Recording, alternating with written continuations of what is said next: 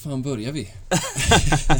Inte ett uh, hej och varmt välkomna. Ja, men där kanske vi ska, kanske ändå ska säga. Ja. Välkomna. Eh, välkomna. Till, uh, vad ligger vi på? Avsnitt 62? 62 tror jag. Ja. Ja, nej, eh, desperata tider eh, ligger till grund för desperata åtgärder. Ja. Eh, fan i helvete. Vilken vecka vi har haft. Eh. Ja, var ska man börja? Nej men vi, herregud, vi alla visste ju att det var liksom eh, måste matcher, måste vecka, måste månad. Och så nu eh, står vi här måndag morgon efter ett eh, klassiko och ett uruselt resultat mot Inter i Champions League. Och eh, jag vet inte, känslan är väl... Ord. Ja, men eh, vi sa det innan här när vi surrade lite grann att det är bara att logga ut känns det som. Ja. Eh, på något sätt. Eh, ja, nej, eh, det känns väl som en... Ja, vi ska inte liksom hänga av La Liga här nu med tre poängs eh, försprång för Real med så här 28 omgångar kvar att lira men nej, Champions är ju Ja, det är ju rökt. Det, det, det måste det man ändå ja. kunna stå här och, och fastställa. Eh, och som du informerade om här, mycket riktigt, så det hade jag faktiskt inte koll på. Att den här Bayern München-matchen lär ju vara än mer eh, verkningshöjdslös eftersom då Inter ska spela mot Pilsen på den härliga Rysstiden får man väl inte säga nu, men öst, jag vet inte vad man ska kalla det, öststatstiderna. Ja. Eh, alltid den här Zenit och Ceska Moskva och känns som alltid Chelsea var där och spelade av någon anledning. Eh, ja. Det kanske har sina förklaringar då, eh, på något vis. Ja, men vi, vi får väl börja i, i den där matchen mot Inter och, och sen tyvärr kliva fram till Classico då. Men en sak i, i sänder. En final kallade Xavi på förhand. Ja, och det snacket känner vi igen från förra året. Mm. Uh, där uh, var, man slutade, det slutade väl med att man spelade typ tre, fyra finaler där ja. i det gruppspelet.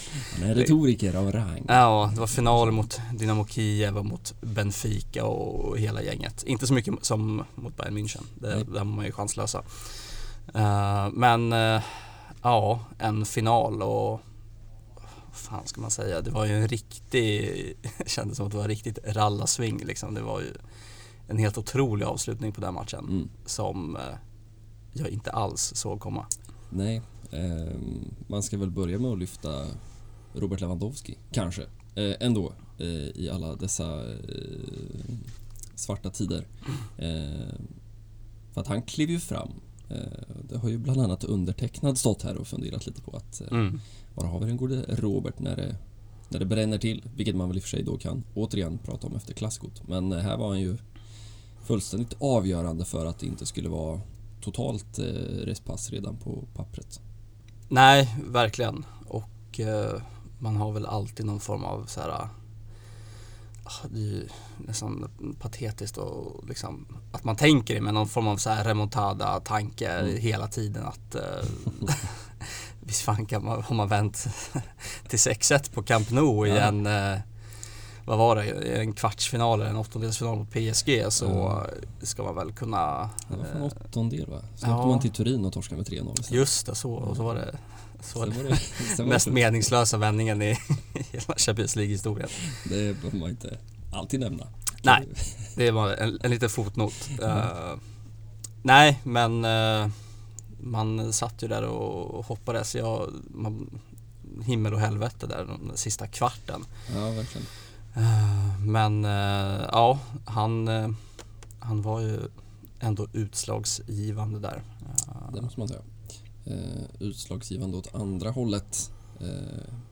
Gerard Piqué, Sergio Busquets är väl ja. två namn som dyker upp Absolut. Eh, på en gång. Eh. Sen vill jag också slänga in Erik Garcia i den högen också. Verkligen. Men han verkar ha klarat sig de, liksom, i pressen i alla fall. Det är inte ja. så mycket snack om honom men det är väl av förklarliga skäl att eh, Piqué och Busquets är ju förbi sin Zenit sedan många, många, många år. Ja, det är så Eh. härliga klassiska så här bild. Jag tänker man vill bara klappa bildproducenten på huvudet när de lyckas fånga den här utbytte spelaren som sitter liksom ett steg in på avbytarbänken så det liksom sänker sig till mörker, en skugga över Ja. ansiktet. Där satt Busquets och såg eländig ut. Eh, och också ut och pratade lite i pressen efteråt. Han var inte helt nöjd med att bli utbytt. Nej. Eh, och sa att ja, det är klart att det här kommer att påverka inför klassikot. Ja, Eh, Också en retoriker av rang, eh, den gode Bussi. Ehm, Men det, det känns ju lite déjà vu någonstans att man står här igen eh, och man kan ju lite prata om samma sak efter klassikot och pratar om de här veteranerna. Nu sitter ju Jordi Alba på den där bänken permanent, verkar det som. Men återigen, de stora matcherna och man tror fortfarande att man ska kunna lita på de här spelarna. Jag menar, det är ju ett par år sedan nu, eh, den där 8-2 förlusten mot Bayern München där Gerard Piqué gick ut och sa att eh, nu är det dags för förändring och jag är den första som ställer mig upp och räcker upp handen. Det har ju inte hänt så mycket. Även om det är klart att, att både Alba Busquets och eller Alba Piqué och eh, Sergio Roberto är väl egentligen inte någon av dem startspelare i ett ordinarie Barca. nej, Nu. det ska ju sägas. Men återigen så, ja, eh, avgörande match. Eh, det är de här kaptenerna som man vill lita på. Eh, vi ska väl återkomma till Sergio Roberto mer i Classico-tugget sen. Men eh, ja, bara rent eh, kort. Jag misstänker att de flesta har sett matchen. Men Piqué gör ju ett fatalt misstag på 1-0 målet. Eh, och- Ja, fatalt komiskt. Det är liksom, det är ofattbart någonstans. ja men det Eh, är någon form av liksom, det känns som att det där gör inte ens eh, liksom ungdomslag att stå där och vifta att allt är lugnt på, på ett inlägg utan att veta vad man har i ryggen liksom. Nej, det Eh, känns inte riktigt som hans... Jag tänker att 3-3 målet känns någonstans som Gerard Piqué i ett nötskal. Eh, alltså den här över, övermodiga och samtidigt ganska långsamma mittbacken som inte riktigt kan hantera att stå högt ibland. Eh, men just ett sånt här rent... Ja, jag vet inte vad man ska kalla det, rent eh, taktiskt misstag. Eh, ja, det känner man inte ens igen för att vara Piqué anno 2022. Nej, där visade väl, så det blev någon form av ny botten liksom. Eh, Ja, tyvärr.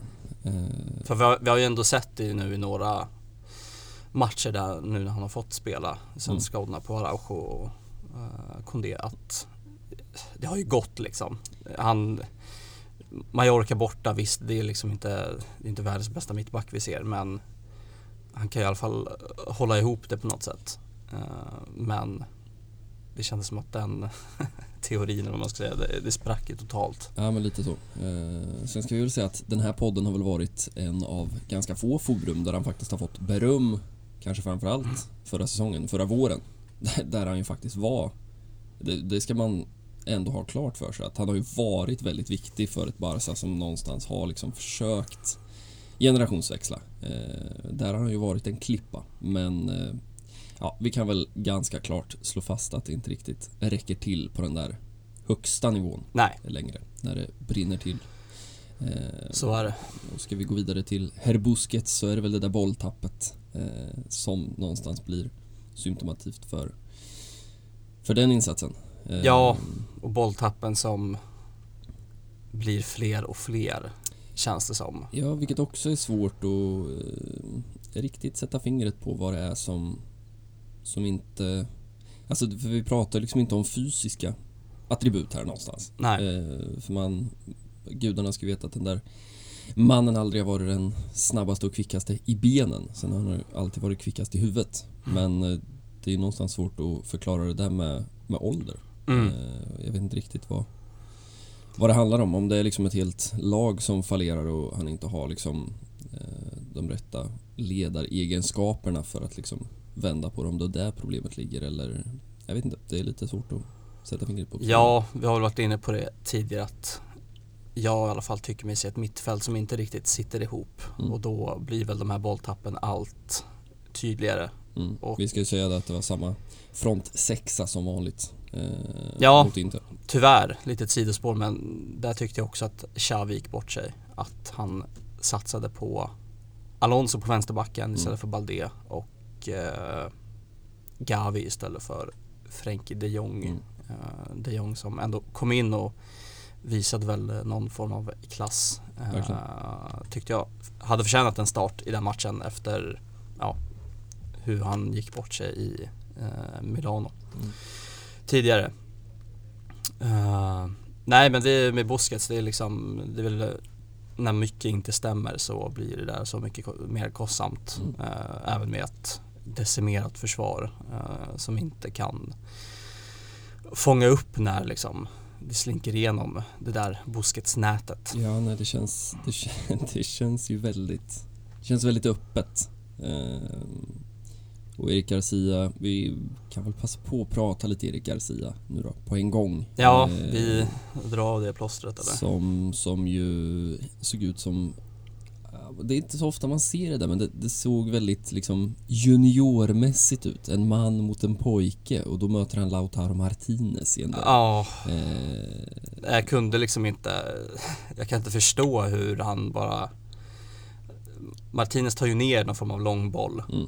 och det känns som att han har all tid i världen fast Garcia står liksom precis bredvid och bara låter han brösta ner den, ja. finta bort honom och liksom Ja men det är, Sätta. jag, ja, nej det är ju svårt att sätta fingret på det där också men det, det är väl lite när man inte är när man inte är där på något sätt. Nej.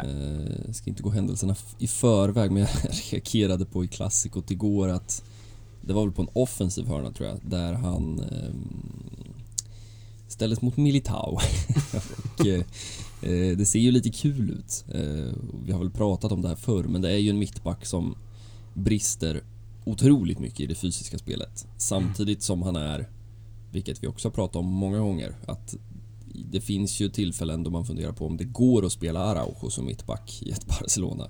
Eh, för att jämför man om det att få uppspelsfötterna så är det ju då är det klasskillnad. Eh, och Garcia har ju varit bra. Eh, och problemet är att han gör ju ofta bra insatser, tycker jag. Det är det som jag blir så trött på och det är därför han aldrig kommer bli kanske den där mittbacken som faktiskt kommer ta en plats i ett Barcelona i tio år. För att han, han, han är inblandad i baklängesmålen. Och det är Mm. inte alltid det ser ut som i den här intermatchen då, att det, att det är tydligt att det är han.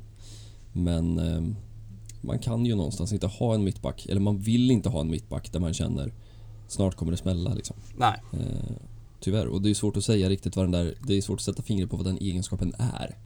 Eh, men eh, någon form av, vet inte om man ska kalla det misstagsbenägenhet, men, men att man, han, han är inte riktigt, han är inte riktigt där när det gäller.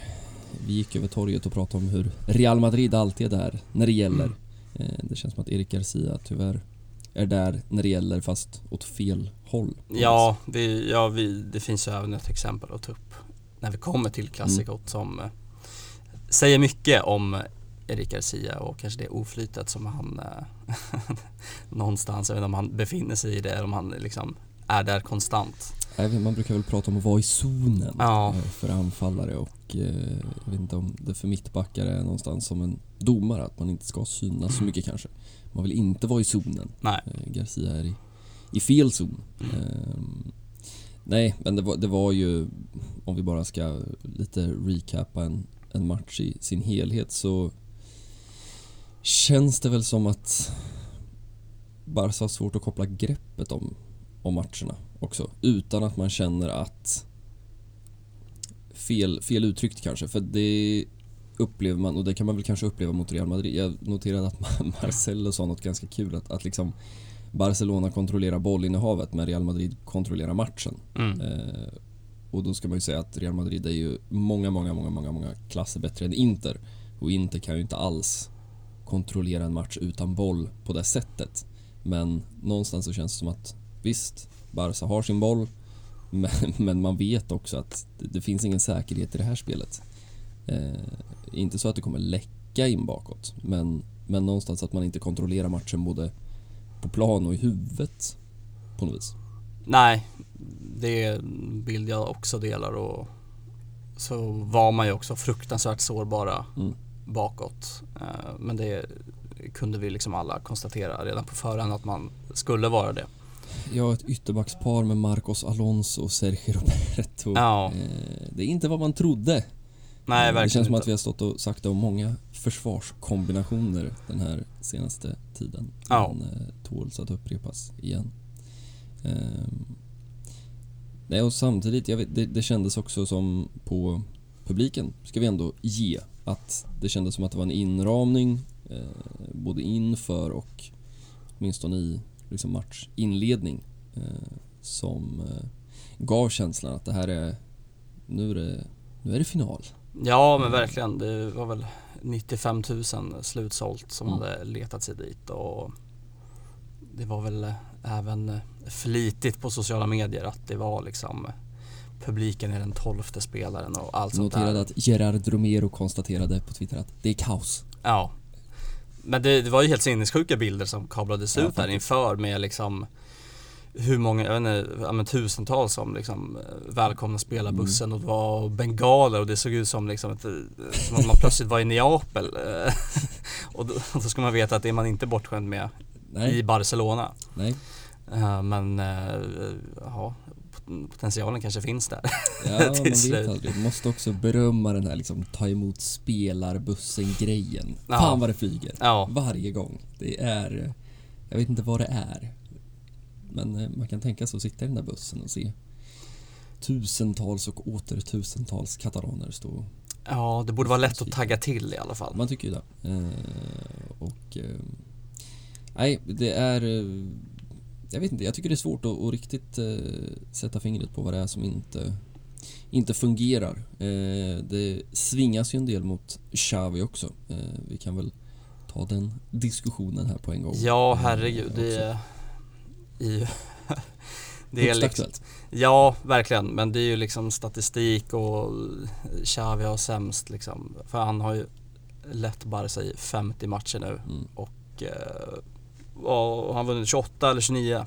Eh, och det är liksom någon form av bottenrekord. Ja, jag såg Eh, sämsta på det här sidan millennieskiftet i alla fall. Ja, liksom Koman och Rijkaard och eh, allihopa liksom eh, ligger bättre till. Eh, men eh, ja, det han har ju faktiskt inte lyckats hitta rätt nu. Och visst, skador och en helt liksom nykomponerad backlinje som han Mm. tvingas vispa ihop eh, hjälper ju inte. Men jag tycker mig också se större problem. Vi mittfältet som inte sitter ihop Mm. enligt mig rent felaktiga laguttagningar. Eh, det, sen tycker jag inte att det är liksom att vi inte alls är där att så här, ja, Xavi ska lämna nu. Eh, Nej, och det har väl, om vi bara ska kasta in vad som faktiskt sker i realitet så har ju Laporta varit väldigt tydlig väldigt många gånger. Sen ska gudarna veta att det har klubbföreträdare varit förr och sen har spelare fått gå på dagen. Men man ska väl också veta att det här är något annat. Alltså Laporta skulle inte kunna säga så här och sen fimpa Xavi dagen därpå. Eh, nej, inte, inte just Xavi liksom. Det, det går ju inte. Och det har vi väl också pratat om tusen gånger. Men eh, Xavi är inte Koman. Xavi är egentligen in, inte någon annan tränare. Xavi är Pep Guardiola. I den mån av förtroende. Ja. Som även en Pep Guardiola hade hösten 2008. Mm. Eh, utan att överhuvudtaget jämföra de två.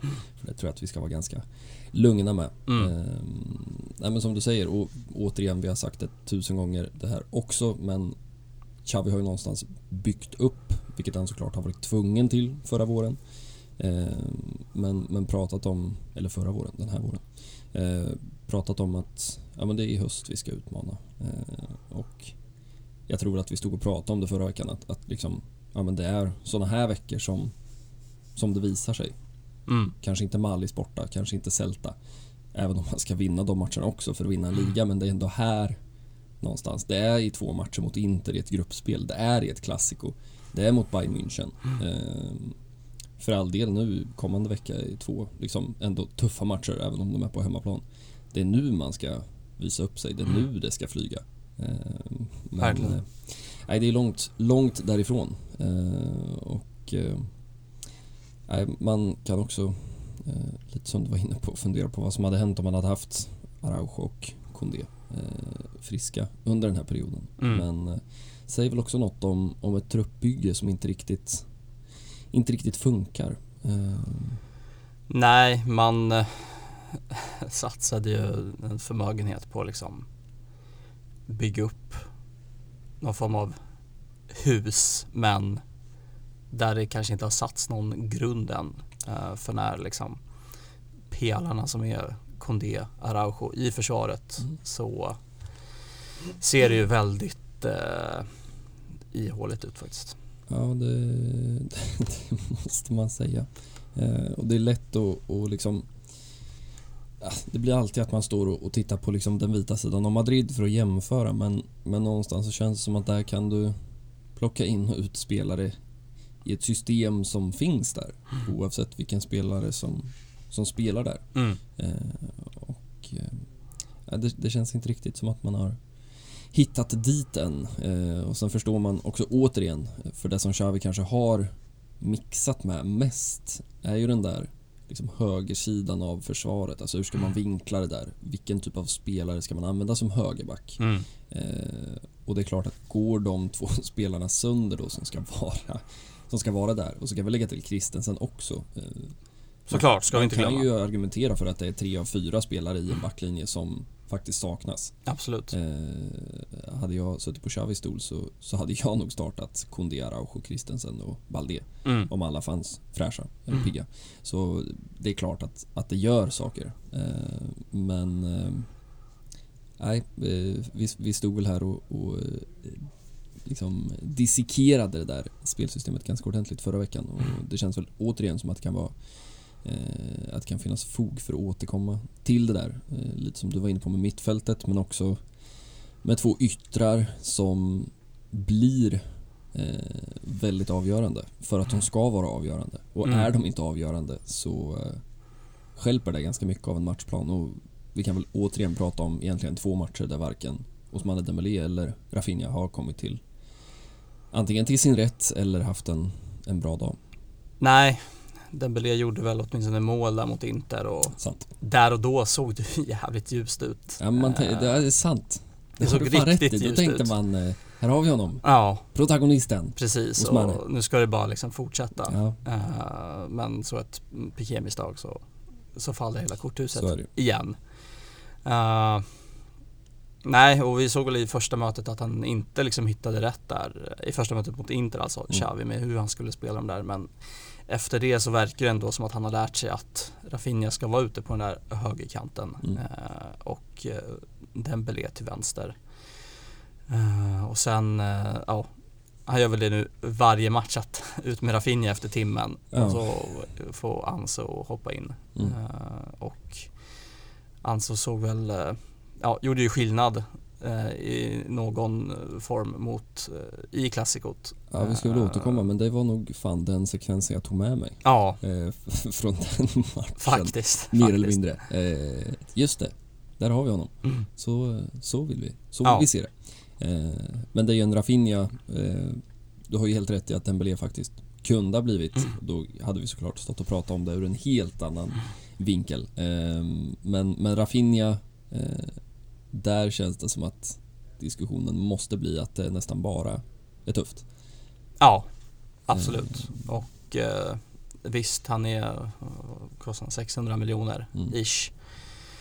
Och såklart är liksom prestigevärvning som man vill ska spela från start men nu eh, tänker jag att det kanske är dags att låta han nöta lite bänk och, och lite börja om från botten kanske. Eh, Ja, eh, det känns också som att det är en spelare utan att ha sett mer än ett par matcher i Leeds förra året. Eh, så är det väl någonstans den här klassiska fotbollsgrejen att man ska kliva ifrån att vara väldigt utslagsgivande men också vara, ha ett, liksom, vad ska man säga, stort förtroende Mm. eh, i ett lag. Till att bli kanske mer en i mängden än i ett system men alltid behöva leverera vecka ut och vecka in i ett lag som åtminstone aspirerar på att vara ett av de bästa i världen. mm, Eh, och det är klart att det där är ett steg och det känns ganska också som en spelare som i ganska hög grad lever på momentum, lever på ett självförtroende, lever på att vara i zonen. Eh, och eh, där har han ju inte heller varit, eh, den gode Rafinha. Eh, samtidigt som eh, ja, Ferran Torres eh, målskytt i ett klassiko Eh, Ansu Fati eh, är på gång. Så att, eh, Mm. nej, jag tror du eh, kan nog ha helt rätt i att eh, vi kommer få se ett annat namn där. Eh, mer än vad vi har sett. För det har ju varit väldigt givet. Eh, den här front sexan har väl nästan blivit ett begrepp här Mm. eh, under åtminstone de, ja egentligen hela hösten kanske. Ja. Eh, men eh, ja, vi kanske ska brygga över och, och säga att eh, Frenkie de Jong ju faktiskt startade klassikot. Eh, jag vet inte om vi ska säga något mer om Champions League. Vi kanske ska... Ja, vi kan bara konstatera att man i, eh, ja men som man sa i Katalonien, virtuell KO. eh, att man eh, på pappret kanske det lever men man, det är ju tack och hej. Ja, alltså det ska väl... Jag vet inte exakt hur det ska gå till. Men Det är väl att- Det är sex poäng för Barca och... Inter får helt enkelt inte vinna någon av sina två matcher. Och då möter man Pilsen hemma och Bayern München borta. Och då kan vi alla räkna ut att det är mot Pilsen eh, det kanske är det mest avgörande. Mm.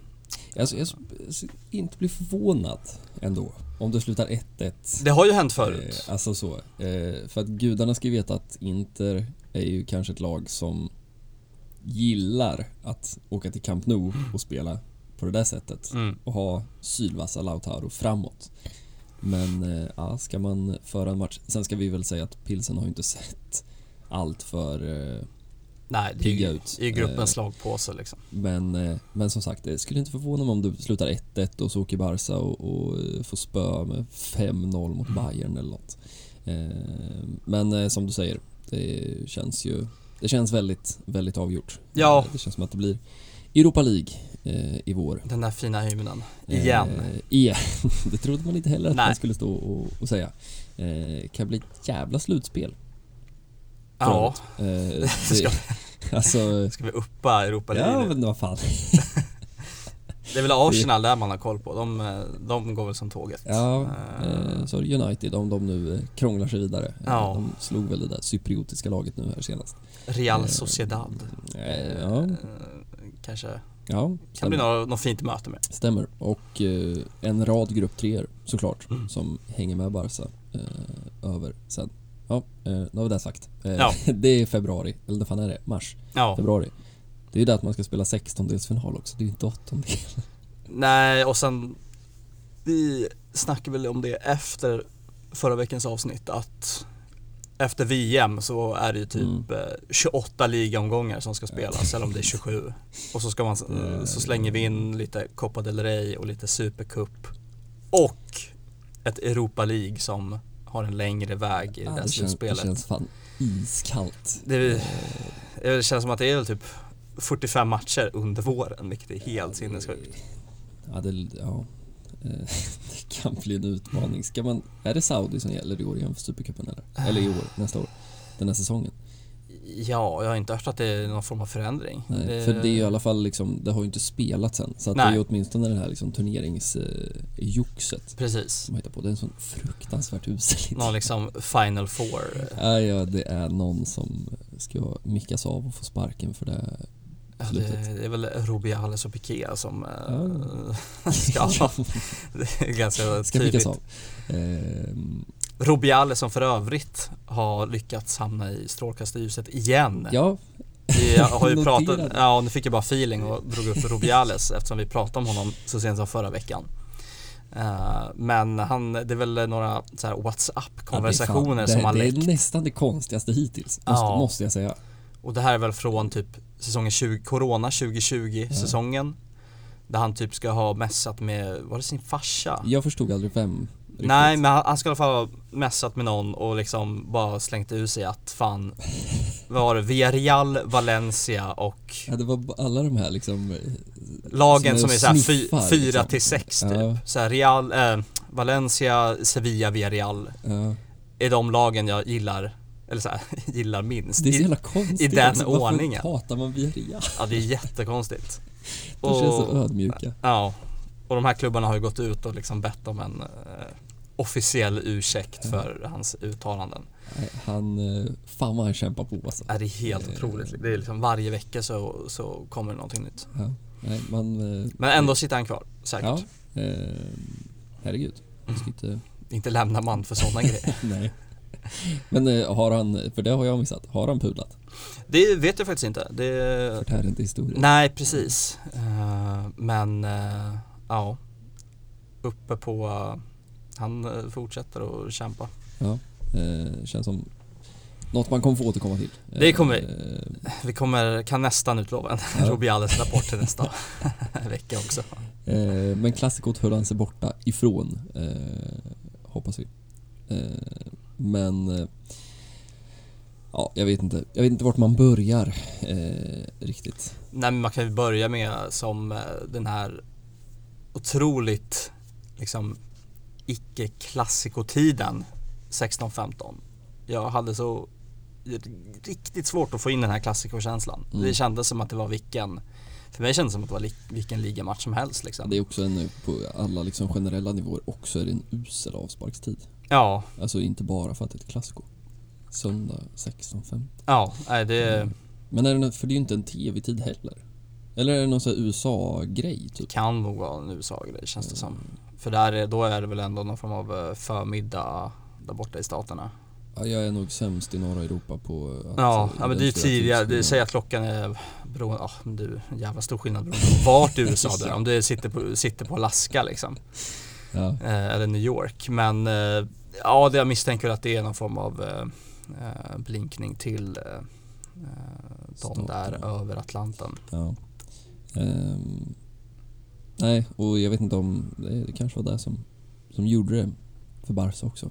Ja, precis. 16-15, nej då ska vi inte inte leverera. Ja. Eh, nej, men det kändes väl eh, tack och godnatt ganska fort, alltså om man ska vara ärlig. När ja. Benzema rakar in det där målet. Ja, Busquets sa ju det efter inte matchen där, eller om det var Lewandowski, att eh, när man släpper in ett mål så blir det liksom kaos. Och det, mm. var, det var den känslan jag gick in med i matchen att gör inte bara så första målet utan man släpper in ett då, då känns det så, det känns så himla svagt nästan att det finns ingen form av så här, ja men nu, nu kommer vi tillbaka utan istället får man bara fokusera på och får man rädda det som räddas kan. Mm. Uh, Eh, det är ett underbetyg om något till liksom hela Xavi sa väl efteråt den här negativa dynamiken som mm. man är inne i och det går ju inte att säga, säga det på något annat sätt att, eh, att det är någon form av fritt fall rent liksom moraliskt i, i hela laget.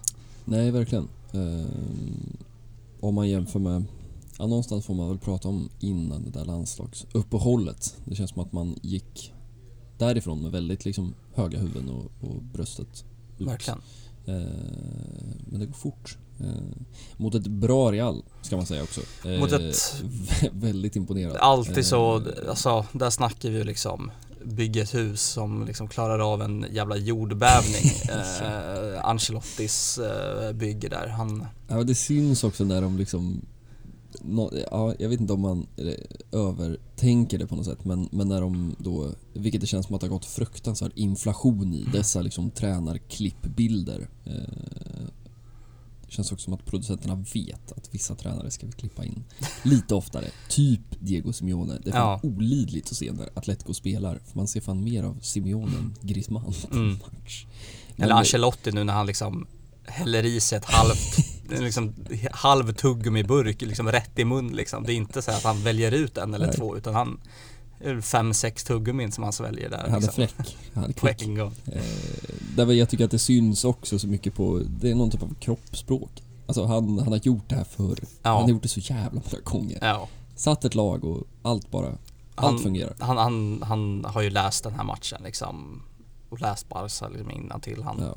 han var väl inne på det att när det blev den där 4-0 segern för Barca förra mm. säsongen så var han väl inne på att han försökte att liksom elaborera och det var ju vi det gjorde han ju. Det var väl någon mm. form av, eh, jag vet inte, Modric som 10 eller hur, hur, nu han ställde upp. Ja det fungerade ju fruktansvärt ja.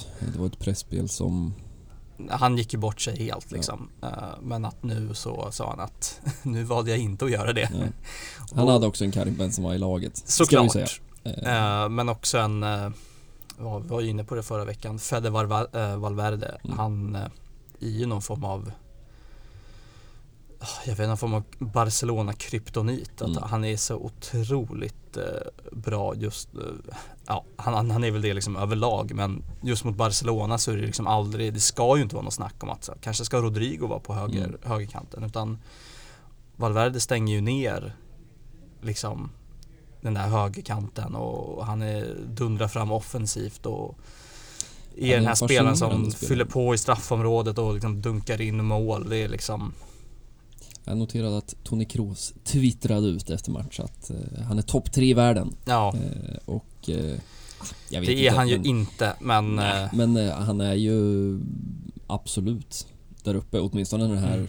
liksom just nu, idag, ja, när man står här och pratar. Så, och när det verkligen hettar till också Ja. så Eh, Man kan väl säga så att det är en spelare man gärna hade haft i sitt eget lag. Ja. Eh, Det är väl ett gott tecken. Det är väl en sån spelare man hoppades att en kanske Frank Kessie skulle vara. Mm. Den här tvåvägsspelaren som eh, Herregud, han, han vet ju hur man gör mål från tiden i Atalanta Mm. och, och Milan. Mm. Eh, men det, dit har han inte kommit än i Nej, alla inte riktigt. Eh, kan man inte påstå. Eh, men vi kunde ju notera eh, för alla som står på din sida i Frenkie Gavi eh, att holländaren fick chansen Ja, från start.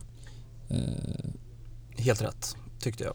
ja men det kändes väl ändå som att det var dags även om man kanske då Ja, jag vet inte riktigt hur man ska lösa det där. Vi har ju stått här i, ja egentligen sen vi började stå här och prata Mm. om hur man ska ersätta den gode Sergio Busquets en vacker dag. Eh, och det känns väl som att den dagen, om den inte redan har kommit, så är den väldigt nära. Eh, Martin Subimendi kritade ju på ett nytt kontrakt med Larial här i veckan. Mm. Eh, så det är väl kanske Ruben Neves som ska plockas över från Wolverhampton. Det känns väl inte stekhett. Nej, Eh, får man väl vara ärlig och säga. Eh, även om jag noterade att Alemani, ja, det kanske till och med var förra veckan han var ute och pratade om att vi kan mycket väl Bosman-värva igen i sommar. mm. Eh, det är väl Neves och typ Diogo Dalot det har pratat om. Mm. Eh, två Mendes-gubbar va? precis. Han, eh, han växer. Ja, Eh, inflytandet. Ja, mm, Snart ser vi en startelva med nio portugiser Ja. istället.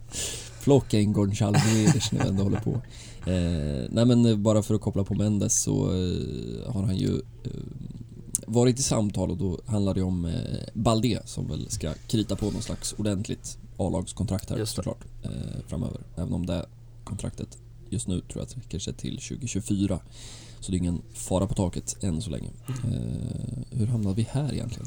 Eh, Ja, Frenkie de Jong. ja, just det. Hur ersätter Eh, man Busquets där Ja, på mitt? eh, nej och det känns ju som att det är en fråga som, som inte riktigt har besvarats. Jag noterar ju att många eh, vill se Pedri, Frenkie de Jong, Gavi.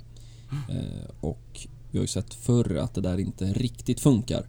Eh, och, eh, eller och, men det kanske är ändå dags att jag vet inte, desperata, desperata tider kräver desperata åtgärder. Alltså kanske är det dags att Men det, ja, man förstår också Xavi för att det är klart att det gungar som fan nu. Mm. Och ska han då, jag menar han gamblar redan ganska mycket. Mm. Ska man då ta det ytterligare ett steg och tänka, jag har plockat Jordi Alba, jag plockar Busquets också. Eh, ja, alltså han, det, det skulle ju, det skulle ha något. Eh, det skulle säga något om vem Xavi är. Eh, sen är jag tveksam till om han skulle våga. Jag är också tveksam till hur bra det skulle fungera. Men eh, det är klart att det hade varit ett, statement. Eh, vi får väl se, vi ska väl prata lite framåt sen också men det ska ju bli väldigt, väldigt, väldigt intressant att se hur Xavi matchar laget nu. De två, ja tre också Verkligen. för all del, kommande matcherna. Eh, det känns som att det finns en del en del statements som kan tänkas komma fram i de där eh, laguppställningarna. Eh, Verkligen. En vi fick se tillbaka var ju Jules Koundé. Han Mm. gjorde väl det omöjliga. Vi, eller jag i alla fall, eh, trodde ju att han var out där förra Ja. veckan när han inte hade tränat nej, en vecka till i klassikot. Eh. Men plötsligt så stod han Eh. där och tränade med laget och hoppar in från start. Vilket Mm. såklart det är liksom. Det var väl en gamble i sig. Eh, Men ja, det såg lite rostigt ut Ja, också. men det kändes väl också som en nöd. Det var ju liksom Verkligen. antingen en Piqué där eller en som det också snackades om, Marcos Alonso som Mm. mittback med Eric Garcia. Mm. Gudarna ska veta vad fan det är kunde ha slutat med. Ja. Eh, Det känns som att det, man... eh, Eller så är det...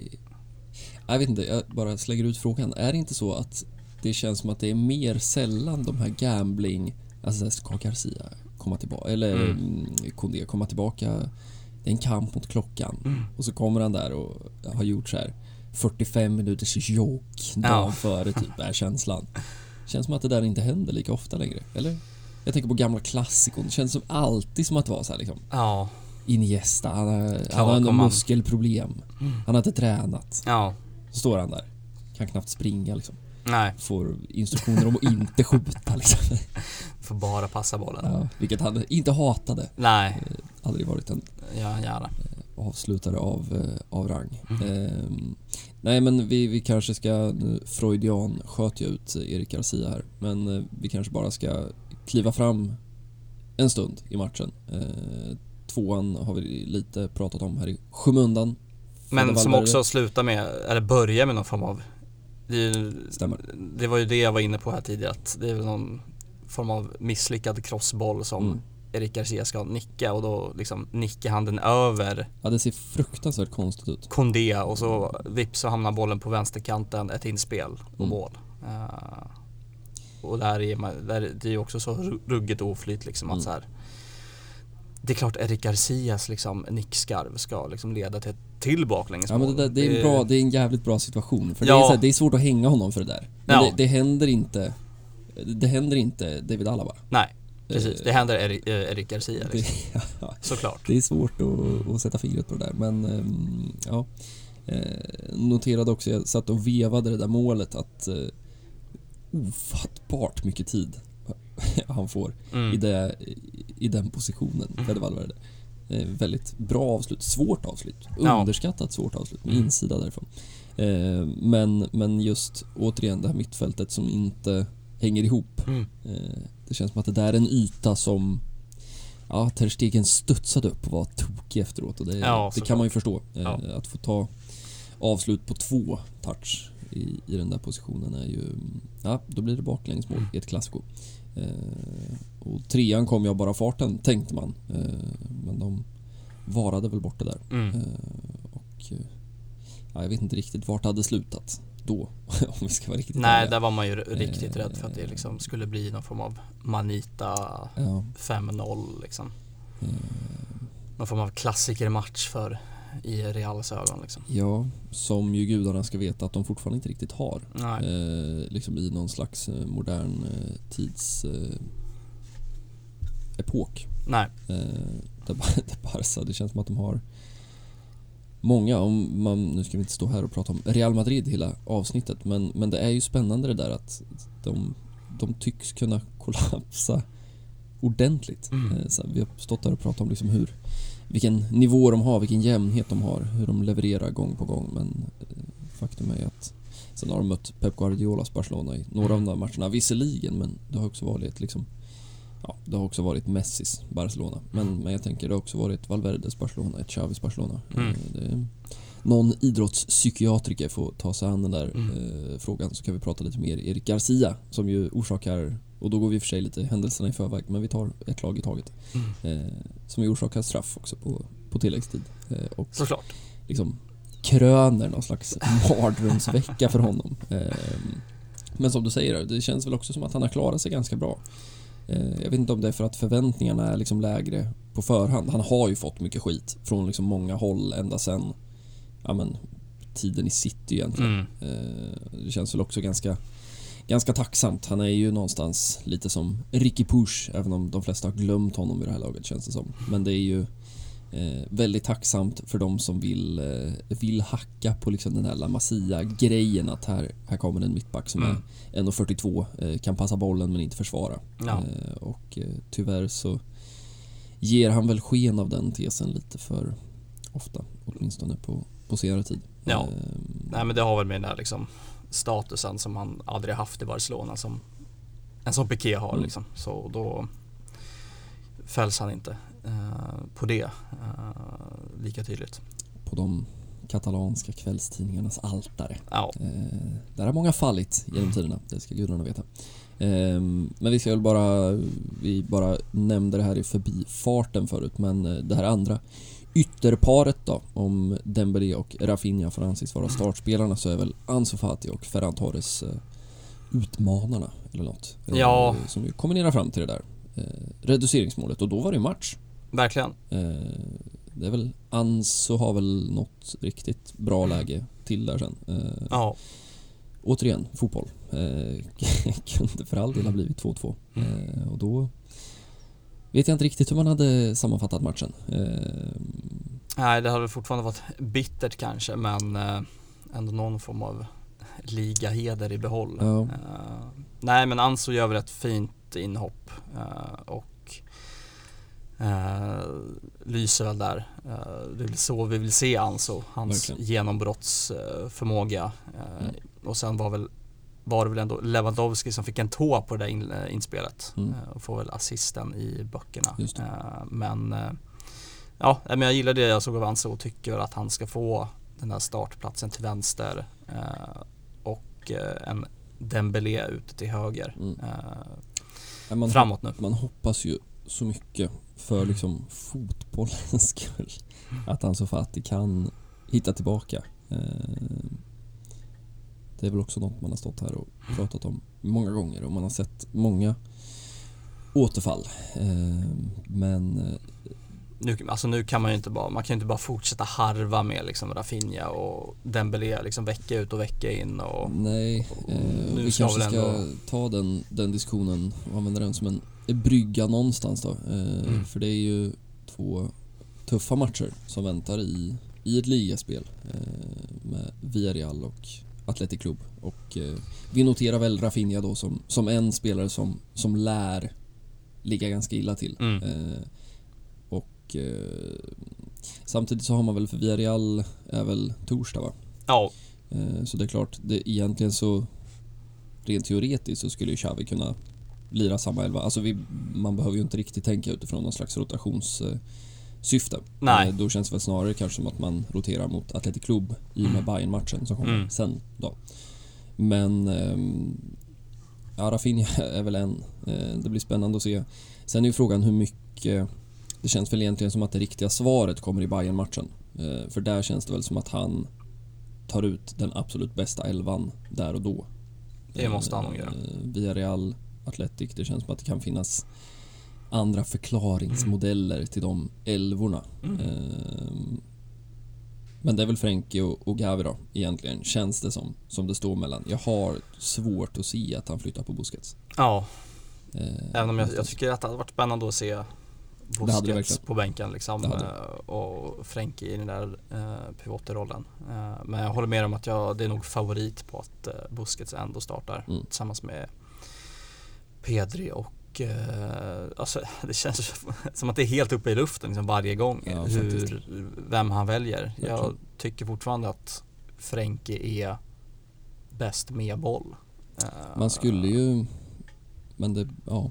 Jag, jag tänker som den här liksom vårlösningen som man höll på med. Ta och spela Gavi som någon slags liksom, Iniesta, inverterad vänster, Mm. ytter. Ehm, om man då vill plocka bort Rafinha, eh, sätta en Dembélé Mm. ute till höger ehm, och ge liksom Balde motorväg på vänsterkanten. Det ska han ju ha. Han ska ju ta den där Eh, vänsterplatsen, ja. Eh, Jag vet inte om det, om det överhuvudtaget Mm. finns i, i Xavis tankar, men det, det skulle ju kunna vara en, en lösning. Mm. Sen känns det väl kanske som att man snarare vill ha mer offensiv kraft än Mm. mindre, vilket väl är ett argument emot då. Eh, Men den där backlinjen, ska man prata om den så känns det som att man blir så virrig så man vet knappt. Ja, vad är, vad är, vilka, vad vilka, har vi? vilka spelare är tillgängliga Ja. till, eh, till på torsdag? Nej men status på Christensen till exempel. Man har inte hört någonting. Nej, det var Eh. väl snack om liksom, eh, några veckor i alla fall. Ja. Men det har varit knäpptyst. De, eh, de här eh, skaderapporterna säger ju inte så mycket nu för tiden utan Brukar det är ju liksom eh, att det beror på liksom, spelarens återhämtning. Mm. Eh, även om det är liksom två ben, benpipor kan sticka ut så, Ja. så känns det ändå som att man skriver ut den, den raden i slutet på Ja. varenda eh, skaderapport. Ja.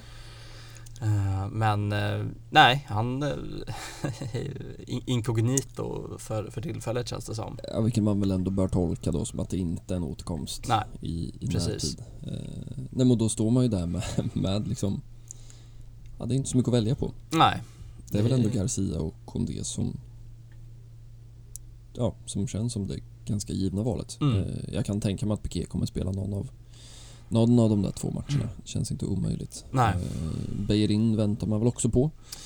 Eh, Ja, det var väl tre, fyra veckor han skulle vara borta där. Mm. Eh, Han har man ju också helt glömt bort. Ja, Finns med i det, här, i det här lagbygget. Han är så otroligt anonym ja. Eh, faktiskt. Eh, så ja, det är en högerback som skulle kunna, en riktigt naturlig högerback. Ja. Eh, Nej, och man står, alltså det, det, jag måste ändå säga det återigen, alltså att, att Sergio Roberto har den där högerbacksplatsen Mm. fortfarande, det är helt otroligt. ja, Eh, alltså, det måste, det, det måste, jag, alltså, ta en toppklubb, alltså, för när, alltså Dani Alves lämnade ju sommaren 2016. Mm. Det är alltså åtta år sedan. mm, Alltså, hitta en av de här riktigt stora klubbarna som har haft konstigare namn på en och samma position i åtta säsonger. Det är liksom... Kör över mig gärna. Någon Ja. skicka in i alla forum. Men ja, alltså... När man tittar tillbaka på de där namnen som har varit där eh, och dessutom då konstaterar att Sergio Roberto har vad han nu har, 350 matcher eller något Mm. eh, i den där Barcelona-tröjan. Eh, som man inte heller ska skjuta över på den gode Roberto som ju verkar vara otroligt lojal. Mm. Eh, men ja, det, det är ju inte hans fel någonstans. Eh, menar, man, hade man fått ett kontrakt framför sig så hade man ju signat det. Men eh, någonstans så är det ändå fascinerande att man står i ett klassiko hösten 2021 Mm. och eh, det är Sergio Roberto som är givna valet på en Ja. högerbacksplats. Eh, säger en del om en del. Ja, eh, om man inte då ska rotera in Kessie där. Eh, inte helt ospännande ändå. Eh, Nej, Måste jag säga. någon Eh, form av eh, en Frenkie de Jong kanske, jag vet inte. Det, Ja, Nico González spelar ju där en del i, i Barça B eh, när det begav sig. Det känns lite som en sån typ av, av lösning eftersom Xavi ju har haft lite, han har varit där och, och petat lite på den här liksom inverterade ytterbacksrollen som ju Pep Guardiola är väl den som är pionjär i det där, Ja. känns det väl som. Ehm, nej, så jag, jag vet inte riktigt hur han ska pussla ihop den där backlinjen. Det känns väl som att det, det liksom blir Roberto på högerbacken. ja, och Balde till vänster. Och, Om man då inte vill då testa Balde till höger och Mm. igen, vilket ju han uppenbarligen klarade av, Mm. eh, liksom ändå godkänt. Eh, och så kan man använda typ en Jordi Alba då, eller kanske en Marcos Alonso, som väl någonstans ändå måste, måste väl också jag vet inte hur mycket vi har pratat om det, men, men den värmningen framstår ju alltjämt som den, mm, en av, ja det är ju stark konkurrens, men en av de mer oförklarliga Mm. på väldigt länge. Ja, Eh, det verkar som att man har liksom, han har ju ändå fått chansen i de stora matcherna i Champions League. Mm. Och då tänker man att eh, då vill man liksom ha någon form av kvalitet, erfarenhet liksom. Ja. Men jag vet inte riktigt om den där kvaliteten verkligen finns där för Nej, han har ju svårt att spela i en... För det, han var ju liksom fantastisk i Chelsea ett tag. Eh, men då i ett, i ett 3-4-3 där han Mm. kommer till rätta, där han kan liksom fylla på. Han är ju bra, han är ju liksom fysisk och... ja, riktigt starkt fysiskt Eh, faktiskt liksom och stor för en ja. vänsterback. Men, Men, att, att spela vänsterback i en fyrbackslinje i Barcelona är ju... Ja, det är något annat. Eh, det känns som att det går, saker och ting går lite för snabbt för han ibland. Ja. För att han ska liksom hänga med i Ja. positionsspel och liksom Ska han upp? Ska han va- vara kvar där, där nere i backlinjen liksom? Ja, nej, man är glad att man inte är Marc-André Ter Stegen och står och tittar på den där, den där fyran. Eh, match efter match. Nej men som sagt, det ska bli, det ska bli spännande att se eh, om, om man kommer att kunna se eh, några konsekvenser i laguttagningar. Eh, jag vet inte om vi ska säga något mer specifikt om, om matcherna i sig. Eh, det är ett Athletic Club åtminstone som har liksom varit ruggigt imponerande. Nu åkte de väl på en smäll mot Atletico här i helgen. Men eh, det är ju en Ernesto Valverde också som kommer tillbaka till Camp Nou. Det blir spännande att se det mottagandet. Verkligen. Känns ändå som att det, det finns en, en respekt där. Mm. Absolut. Hoppas jag i alla fall. Eh, ett Villarreal som man aldrig riktigt vet vart man har. Känns Nej, verkligen blandat och, och gett den här säsongen. Eh, på en nionde plats i ligan. Mm. Tre segrar, tre kryss och två förluster. Mm. Eh, vann ju sin Europa League-match i veckan. Men spelar för övrigt idag, måndag. Mm. Så de har det riktigt tajt. Det, det är ju väldigt spännande. Ja, Eh, men det är klart, då spelade de torsdag då. ja Förra precis. veckan. Europa Ja. League och Jo, spelar ikväll 21 hemma mot Osasuna. Eh, Ja. Så det blir tajt för dem. ja, det måste man ju säga. Sen har väl de liksom två elver typ. Ja, Men El Comandante Eh. är ju, ja, herregud vad han borde flyga. ja, Eh, ja, det, det är en ruggig offensiv alltså. vass som alltid. Ja men och så Moreno. Mm. Det, det känns som ett Känns som ett anfallspar. Eh, nej, de har ju så mycket spelare så att man blir helt eh, snurrig. Eh, alltså Chukwueze och Jeremy Pino och eh, Dos Celso, Parejo, det är liksom Pau. Torres har vi fortfarande där så det är Det finns ju kvalitet. Ja, det måste man, måste man ändå säga. Det känns som att vi har stått och pratat om Unai Emery förr och eh, ja, det var väl rätt mycket under förra året va, tror jag. Liksom det här, man, man gick väldigt långt i Champions men, Just det. men eh, hur bra är den där spelartruppen Mm. jämfört med vad man faktiskt presterade? Eh, och det är klart, det blev ju inget nytt Champions League-spel då eftersom man inte lyckades leverera i, i ligan. Nej, man gick ju all in på den där Champions med all rätt. Ja, herregud. Herregud, en eh, semifinal Ja, det är stort.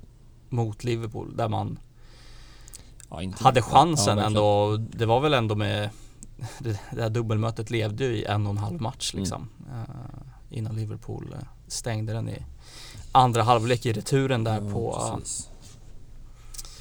La Ceramica nu för tiden. Mm. Men El Madrigal är väl det klassiska namnet. Ja, men det, det, Det får man väl ändå säga. Ja, det, det måste man säga. Nej, men det, ska, det blir väl, eh, eller ska bli, det blir två, eller det borde bli två rätt härliga matcher. Alltså det är väl bland säsongens roligare matcher båda två, känns Verkligen. som. Eh, beroende lite på hur Atletic Club spelar. Mm. Gudarna ska veta att det har varit en del eh, brottarfotboll under den gode Marcelino. Men eh, ja, vi, det ska bli spännande där också att se Valverde utifrån flera perspektiv men också hur de ska ta sig an den där matchen. Det har ju varit fräscht Atletic Club under hösten. Verkligen. Eh, känns det som. Hänger ju med där uppe i toppen. Ja. Även om man eh, förlorade i helgen med uddamålet mot eh, eh, Atletic. Atletic. Eh, nej, så det, är väl inte årets viktigaste vecka som vi har Nej, stått vi och var, pratat om här vi var ju inne på det. i, jag vet inte vart den här säsongen ska ta vägen. Det, det blir ju inget, vågar vi utlova, Champions League-spel och då, det känns ju nästan som att det behöver bli en ligatitel för att, Ja, för att det ska vara godkänt. för att det ska bli en godkänd Ja, men säsong. verkligen. Så är. Eh, Eh, och sen, sen ska man väl också ha med sig då att eh, nu går vi kanske händelserna väldigt mycket i förväg men, men någonstans så det är klart att Real kommer ju spela slutspel såklart i Champions League. Sen är ju frågan hur länge de kommer spela. Eh, men jag kan ju tänka mig att det kommer inte bli en diskussion i år som vi stod här i våras och pratade om. Alltså ska man prioritera Frankfurt hemma eller Osasuna borta? Vi kanske inte når den där fjärde platsen. Nej. Vi kanske behöver den här. Alltså det känns ju som att man kommer spola ett Europa League fullständigt om ligan lever Det när det blir man februari. göra faktiskt. Alltså, och då kan man ju faktiskt prata om någon typ av fördel. Alltså Mm. kontra ett Real. Mm. Jag menar, skulle Real gå hela vägen, då kommer du ha den här klassiska grejen att så här, ja, hur svårt det faktiskt är att vinna en dubbel.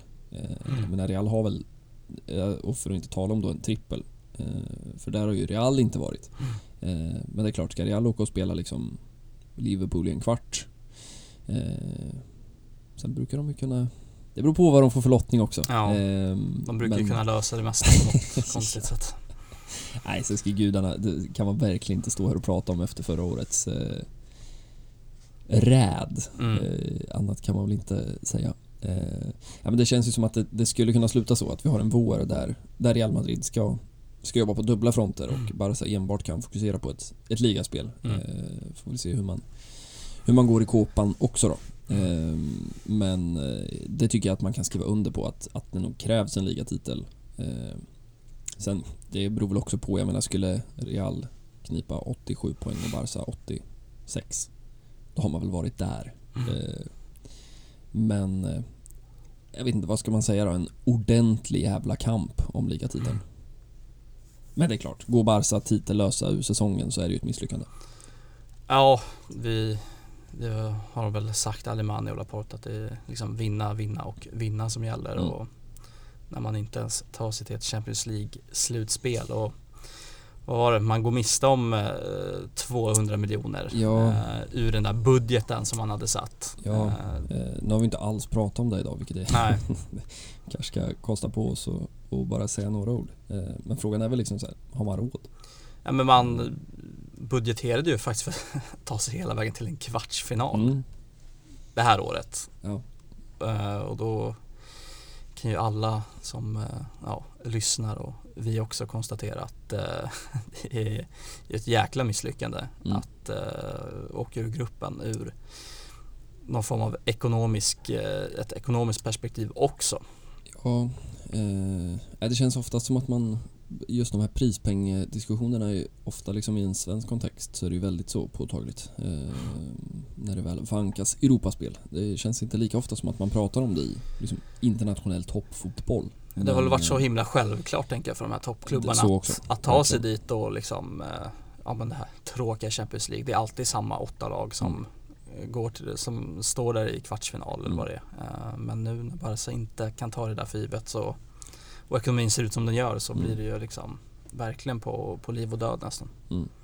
Nej, och man... ehm, Ja, så här, blir det nya hävstänger nu? Ja, Eh, Ja, men det är det man får- Det är klart att man, man, man trollar ju inte bo- Alltså vi, vi pratar liksom inte 30 miljoner utan det, det är ändå liksom, det är pengar. ja, Eh, och... Eh, nej, jag vet inte riktigt vart de ska... Var de ska hittas, var de ska komma ifrån. Och man tänker också, nu går vi liksom väldigt långt, pratar väldigt stort, men, men någonstans också så här. Vad händer nästa sommar? Eh, alltså man, man har spenderat väldigt mycket pengar på, alltså 600 miljoner på Rafinha är ju inte 600 miljoner på Rafinha. Det är ju 600 miljoner som inte finns ja, någonstans. Alltså 500 miljoner på Kondé. Det är inte 500, det är 500 miljoner som inte finns. Mm. så man måste få in från någon annanstans Ja. liksom, för att täcka upp det här. Exakt. Och, och jag menar, säg att man då... Det blir inget CL-slutspel, man... eh, Det blir ingen ligatitel. Eh, Det blir ingen Copa... Man går titel... Alltså, vad händer i sommar? Mm. Vart ska pengarna komma ifrån? Vad gör man? Hur ska man satsa? Alltså, Ja. någonstans har man ju lagt... Man har ju lagt liksom allt på rött. Mm. Och... Jag menar, Lewandowski blir ju inte yngre. Låt säga att en Rafinha, det visar sig att det, det här, det håller inte på den här nivån. Kondé kommer ju vara briljant. Mm. Det, det känns ändå som att det är en så pass bra spelare så att Ja. man nästan kan slå fast det. Eh, sen så, det kan bli en knäskada och så väljer man att spela ett VM och sen är man i Lecce. Mm. Notera att Umtiti gjorde sin första Mm. match eh, mot Roma. Eh, har vi där sagt också. Eh, nej men vad gör man nästa sommar? Alltså kommer det finnas pengar? Kommer man kunna satsa? Vad, hur kommer retoriken se ut? N- nästa år ska vi vinna. Eller? Mm. Fast det var ju det här år, Året som man gick för. Ja, nej men det känns som att det är väldigt många frågor som det känns som att Laporta eh, ogärna vill ha i en sit-down-intervju just nu. Nej, verkligen. En Laporta som ska ha klivit in i domarrummet efter klassikot också och liksom bett om eh, någon förklaring för något domslut som eh, Ja.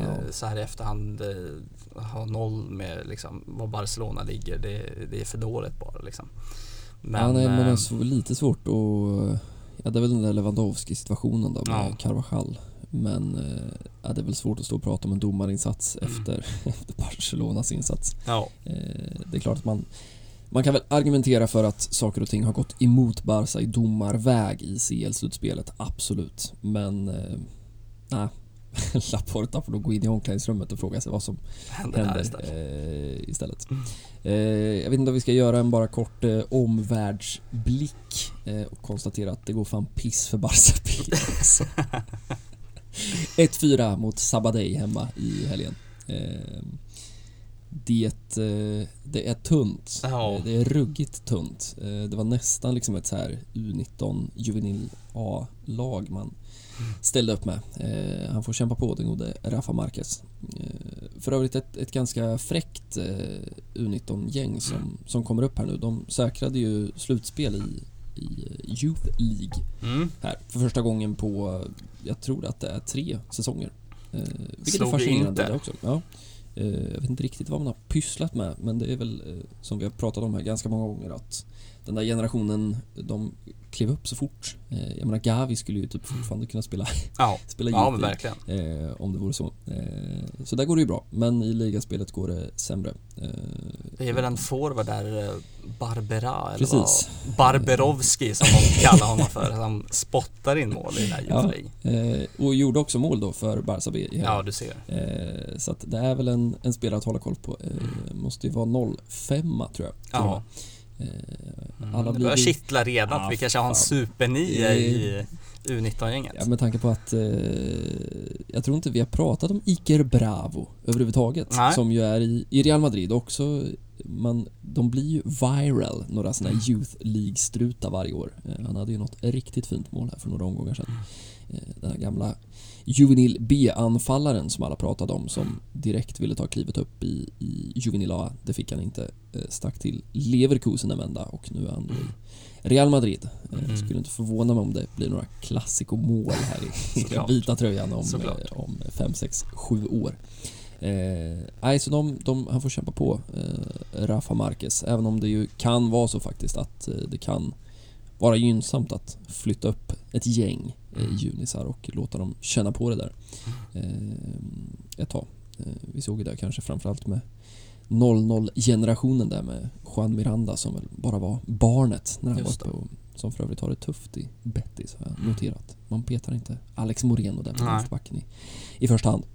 Men det enda positiva i denna värld, Barca Feminin. Det är dit vi får kolla Ja. allt som oftast. Det är dit man vänder sig. Eh, Eh, slog Atletic Club med 3-0 eh, Ja. borta i helgen. Och eh, nu till veckan är det dags för Champions League. Mm. Hemma mot Benfica eh, på onsdag.